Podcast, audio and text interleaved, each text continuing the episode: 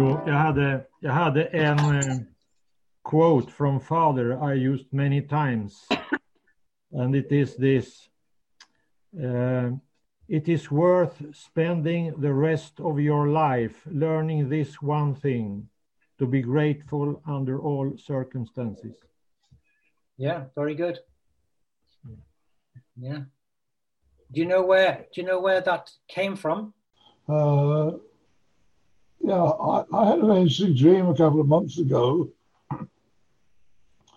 and uh, I was I was went into a room, and uh, in this room five people were in this room, and one of them was Jesus, and he came over to me and he took my hands in his hands, and he looked at me very profoundly, and he didn't say anything.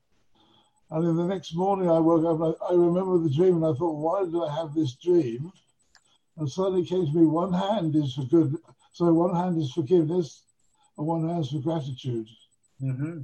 Remember, these one hand is forgiveness, one hand for gratitude. I thought it was very profound, Mm. very wonderful uh, experience. They go together. Jo, jag har hittat det här. I found the, the talk, the speech by father. Aha. Uh, it's let us be grateful. And I, I in the chat I sent the link also. And it, it says like this it is worth spending the rest of your life learning this one thing to be grateful under all circumstances. All right. Good. So let us be grateful. Yeah. Yeah, for example, you need to you need to research way to, you know, make your income. Some people they learn new way Mm. to do that. Yeah. They- we learn how to do the Zoom Mm. and those kind of things. You should put this in the.